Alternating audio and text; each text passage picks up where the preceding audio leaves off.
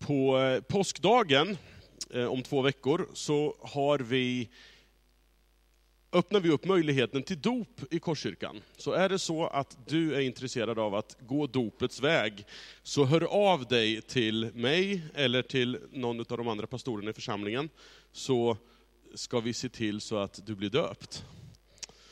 Eh, då ska vi gå in på dagens predikan.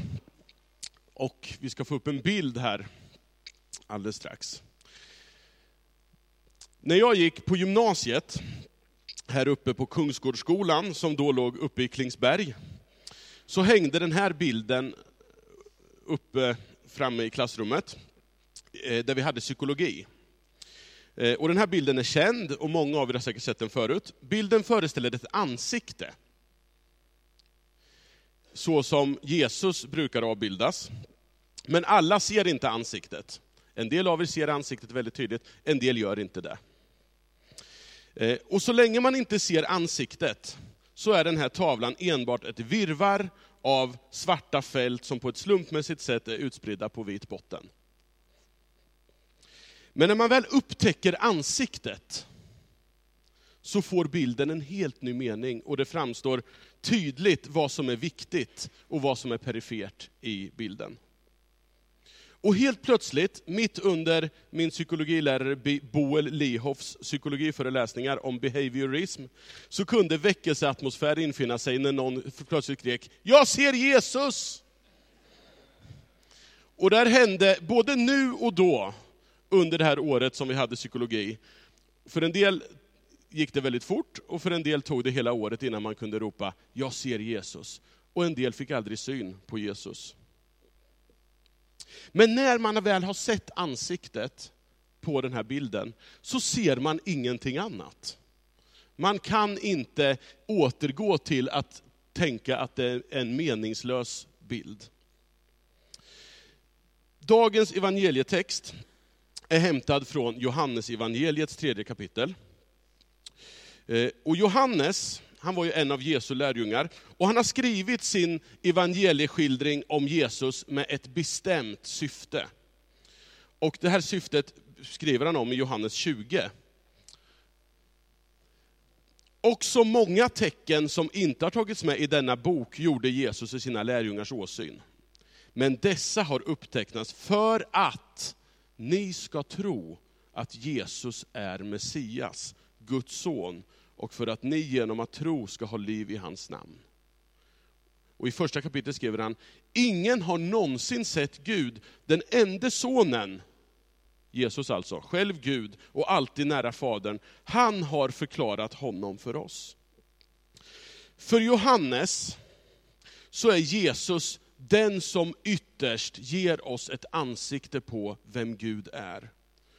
Och i det Jesus säger och gör, så får vi läsare, när vi läser Johannes evangeliet en bild av, sån är Gud. Och Johannes ambition, det är att hjälpa oss som läser att förstå vem Gud är, och därför också förstå vem tillvarons yttersta mening, ursprung och mål handlar om. Bilden av tillvaron som vi lever i kan te sig precis lika rörig och slumpartad som den där bilden. Men Johannes, han har sett någonting. Han har sett ett ansikte. Han har mött en person som ger mening och struktur mitt i myllret. Och det är det där, skif- det är det där skiftet, att helt plötsligt få se, som Johannes vill få oss att upptäcka. Och Johannes använder sig av ett antal händelser, ett antal tal och ett antal möten för att berätta fram det här skiftet i våra liv. Dagens evangelietext då, återger den andra delen i ett sånt där samtal som Jesus har. Och den här gången har han ett samtal med en skriftlärd farisé, en medlem av rådet, en, därmed en högt väl ansedd lärare, och han heter Nikodemus. Och det berättas att Nikodemus, han söker upp Jesus på natten för att samtala.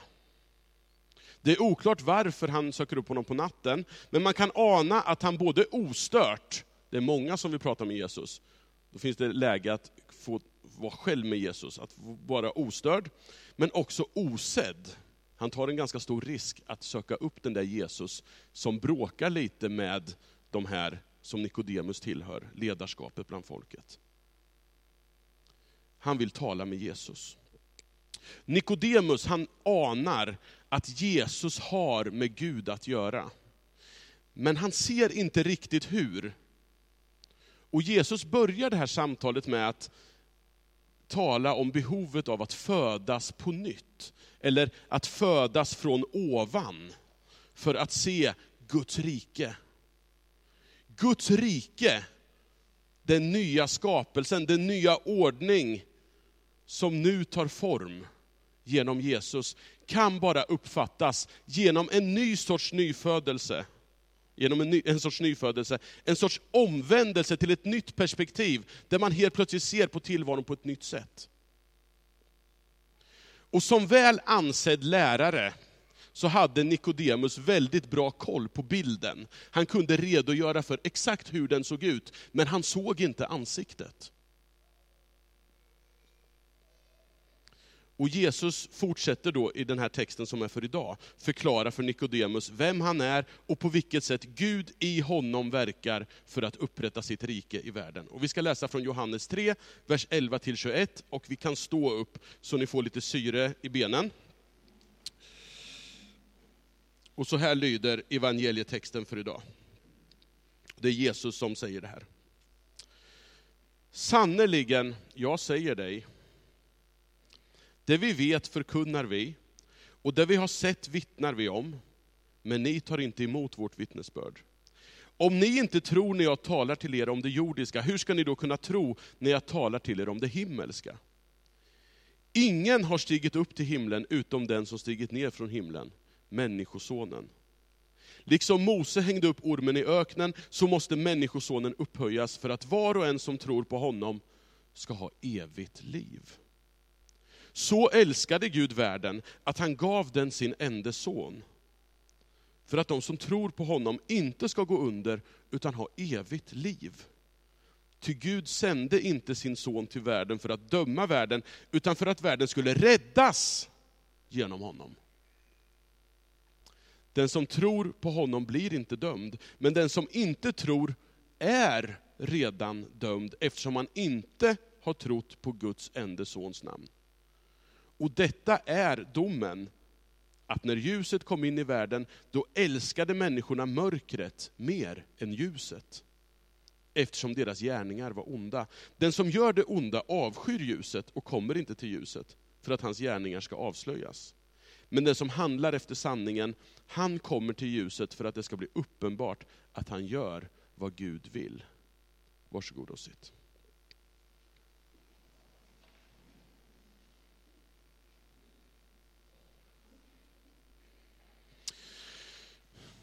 Vad är det som gör att Nikodemus, trots alla sina goda meriter av social status, stort andligt förtroende, biblisk teologisk kunskap, moralisk oförvitlighet.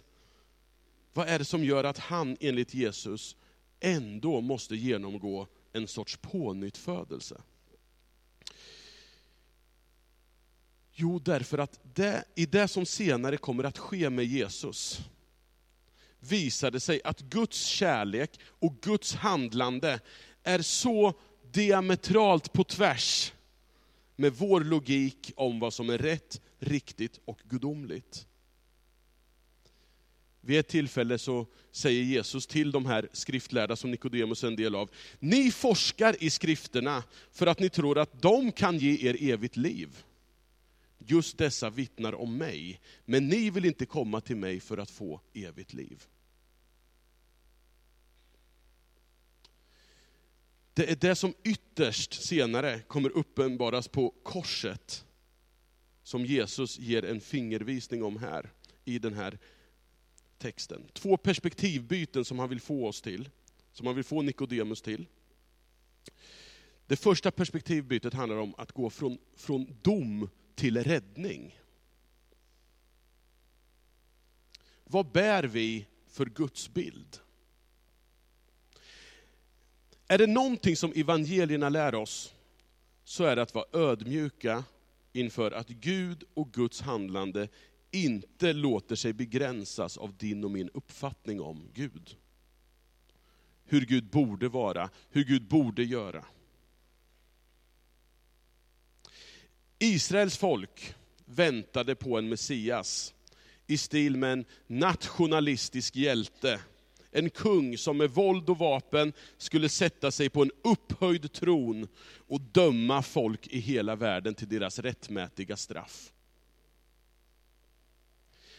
Jesus knyter i samtalet an till den här tanken om en upphöjd kung.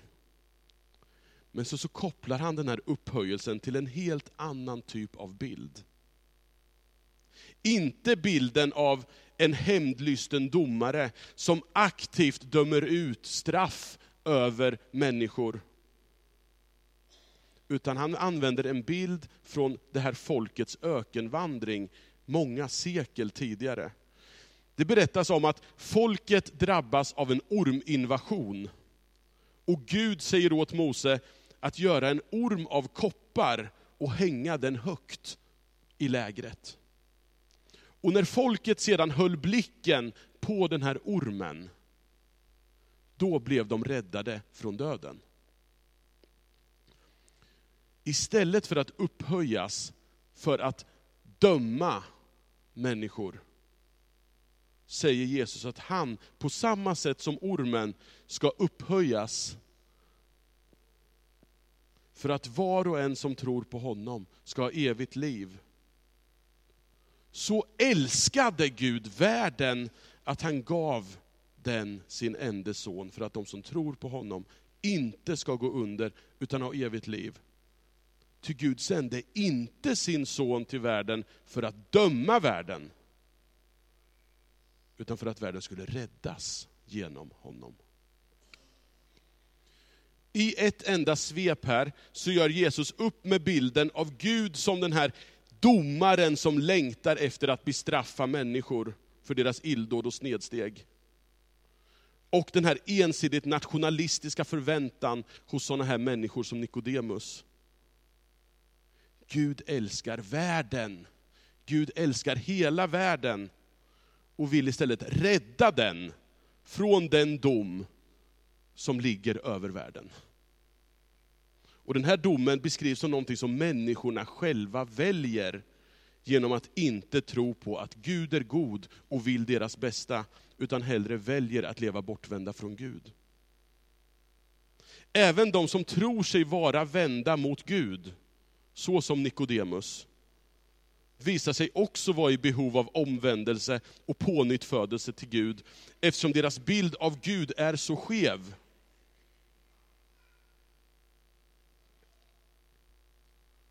När Jesus sen döms till döden och hängs på korset, så sker upphöjandet.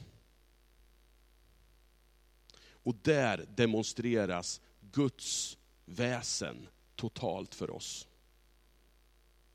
Inte ens där är Jesus villig att döma sina bödlar, utan till och med där uttalar Jesus förlåtelsens ord till deras räddning och befrielse. En sån yttersta kärleksdemonstration är nödvändig för att rädda oss från alla de makter som kuvar och förslavar oss och den skapelse vi är en del av.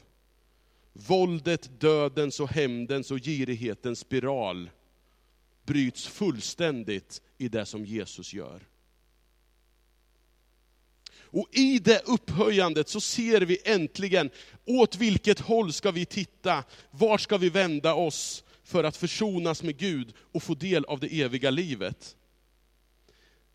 Det är där vårt skifte, det här, jag ser Jesus, som de där i klassrummet ropade, det sker där, när vi ser Jesus på korset. Vi får en helt ny mening och mål med vår tillvaro.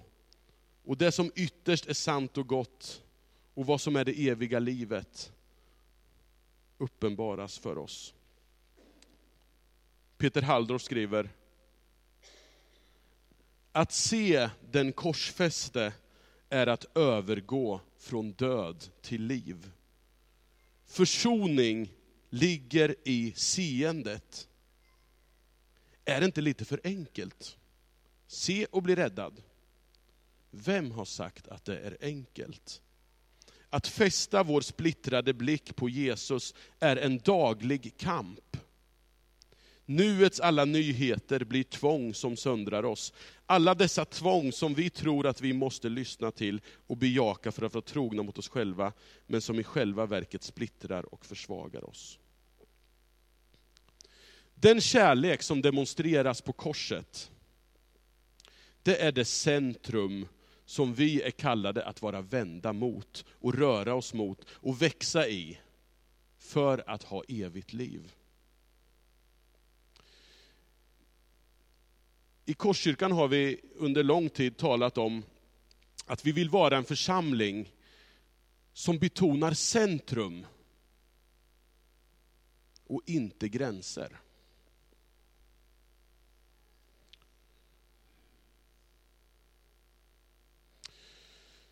Och då är det den kärleken vi talar om. Att leva i den och växa i den, oavsett var vi har vår startpunkt, så ska vi vara välkomna i Korskyrkan. Att vill jag röra mig mot detta centrum, så är jag välkommen.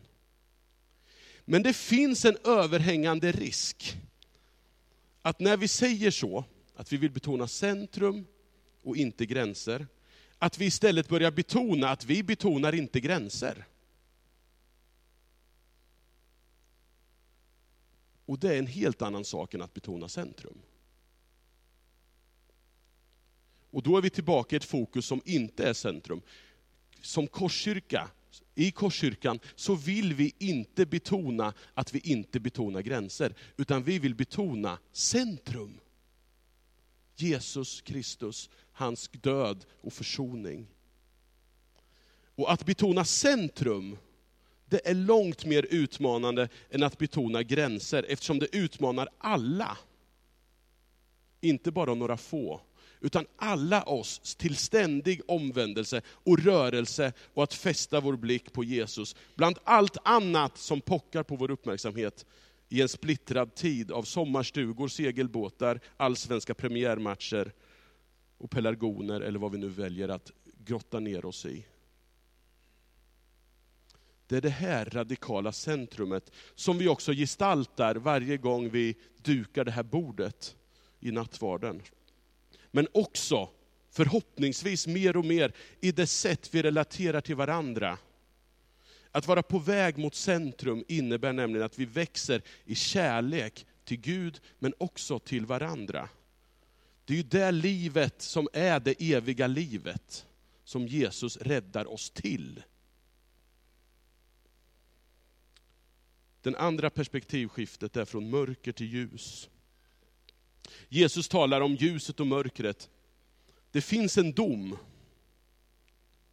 Inte som Jesus kommer med, utan som han vill rädda oss från. Domen består i att människor själva väljer att vända Guds försonande kärlek ryggen och gå i en annan riktning.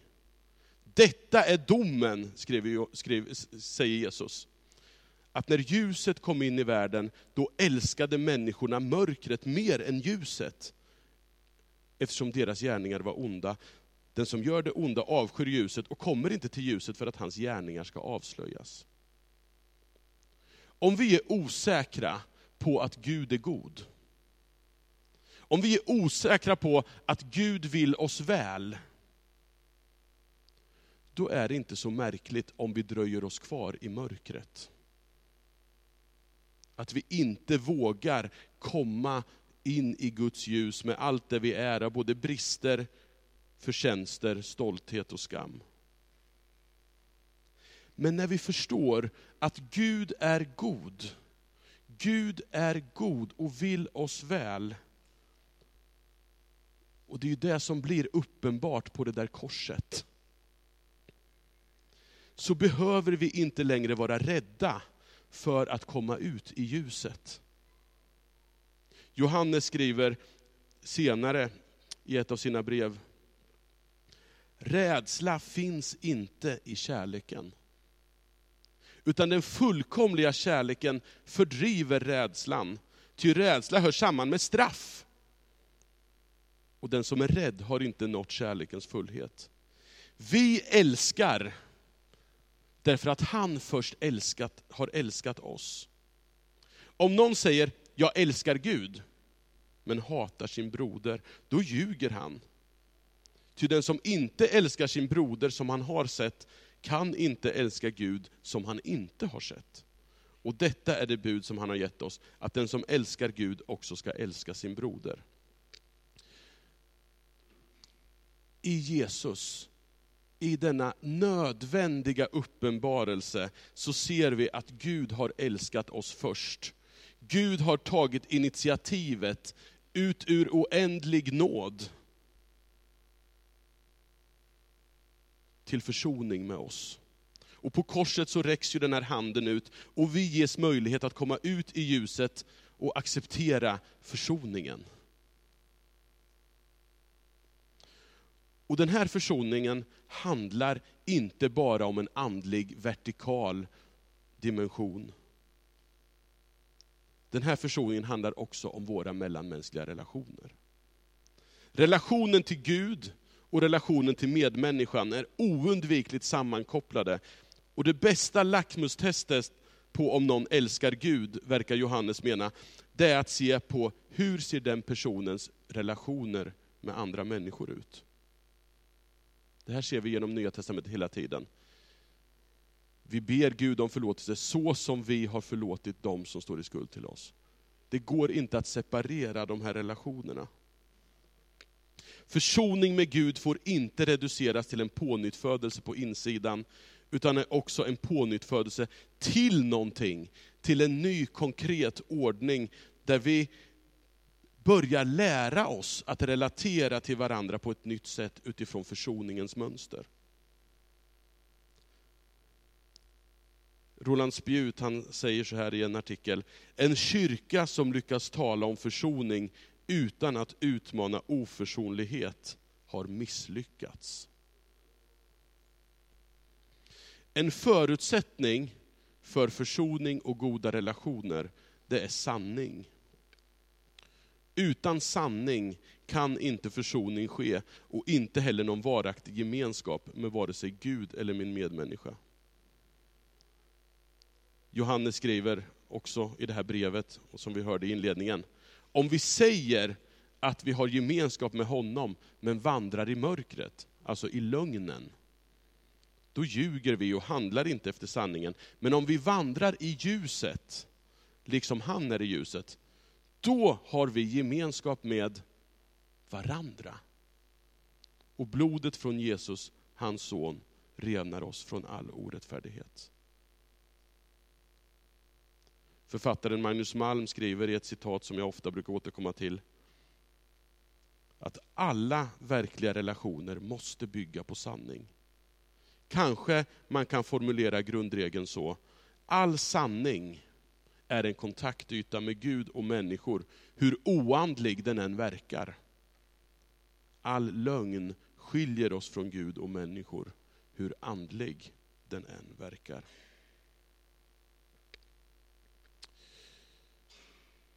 Hur gick det för Nikodemus kan man fråga sig.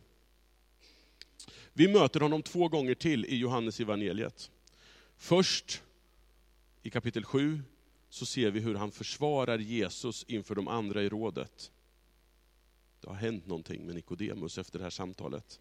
Och sen så möter vi honom alldeles på slutet, då han, till skillnad från lärjungarna som har gömt sig i en mörk skrubb, de vågar inte vara i ljuset när Jesus har dött. Men Nikodemus, han vågar gå ut i ljuset utan några hemlighetsmakerier. Och så går han, går han ut till korset och tar hand om Jesu döda kropp. Kanske hade han då förstått att Jesus var den försonare som både han och hela världen behöver. Har ni fått syn på ansiktet än? Det är lite spridda skurar sådär. För att jag skulle få syn på det här ansiktet för många år sedan, så behövde jag en hjälpande hand. Min pappa, som var en lysande pedagog, han tog fram ett bakplåtspapper, ni vet det är ju så här genomskinligt och bra. Så la han det uppe på den här bilden, och så målade han ögon, mun och liksom ansiktsdragen så där, så att jag visste vart de där skulle vara. Och sen så tittade jag på bilden och så drog han bort den. Och då uppenbarades ansiktet även för mig. Fantastiskt. Nattvarden, som vi snart kommer att fira tillsammans, det kan liknas vid Guds pedagogiska sätt att få oss att se tillvarons yttersta mening. Försoningen, vår försonare, är tillvarons yttersta mening. Där får vi påminnas om hur Gud själv blir konkret, blivit människa och till och med dött för att locka oss fram i ljuset och vinna vår gemenskap. Och forma en ny sorts gemenskap, en församling för den här världens skull. Ty så älskade Gud världen, att han gav den sin enda son, för att var och en som tror på honom inte ska gå under, utan vinna evigt liv. Vi ber tillsammans. Tack Gud för att du sökte upp oss i vår vilsenhet och i vår oförmåga att se vem du var. Tack för att du har uppenbarat dig för oss i Jesus Kristus. Och tack för att du i korsets död visar hur långt din kärlek sträcker sig. Och att du vill rädda oss från ett liv i mörker och meningslöshet, till ett liv med en större mening, ett högre syfte. Och tack för att du har format en ny sorts gemenskap i den här världen som kallas för kyrka och församling. Hjälp oss att vara en gemenskap som präglas av den kärlek som du har uppenbarat i försoningens tjänst. Amen.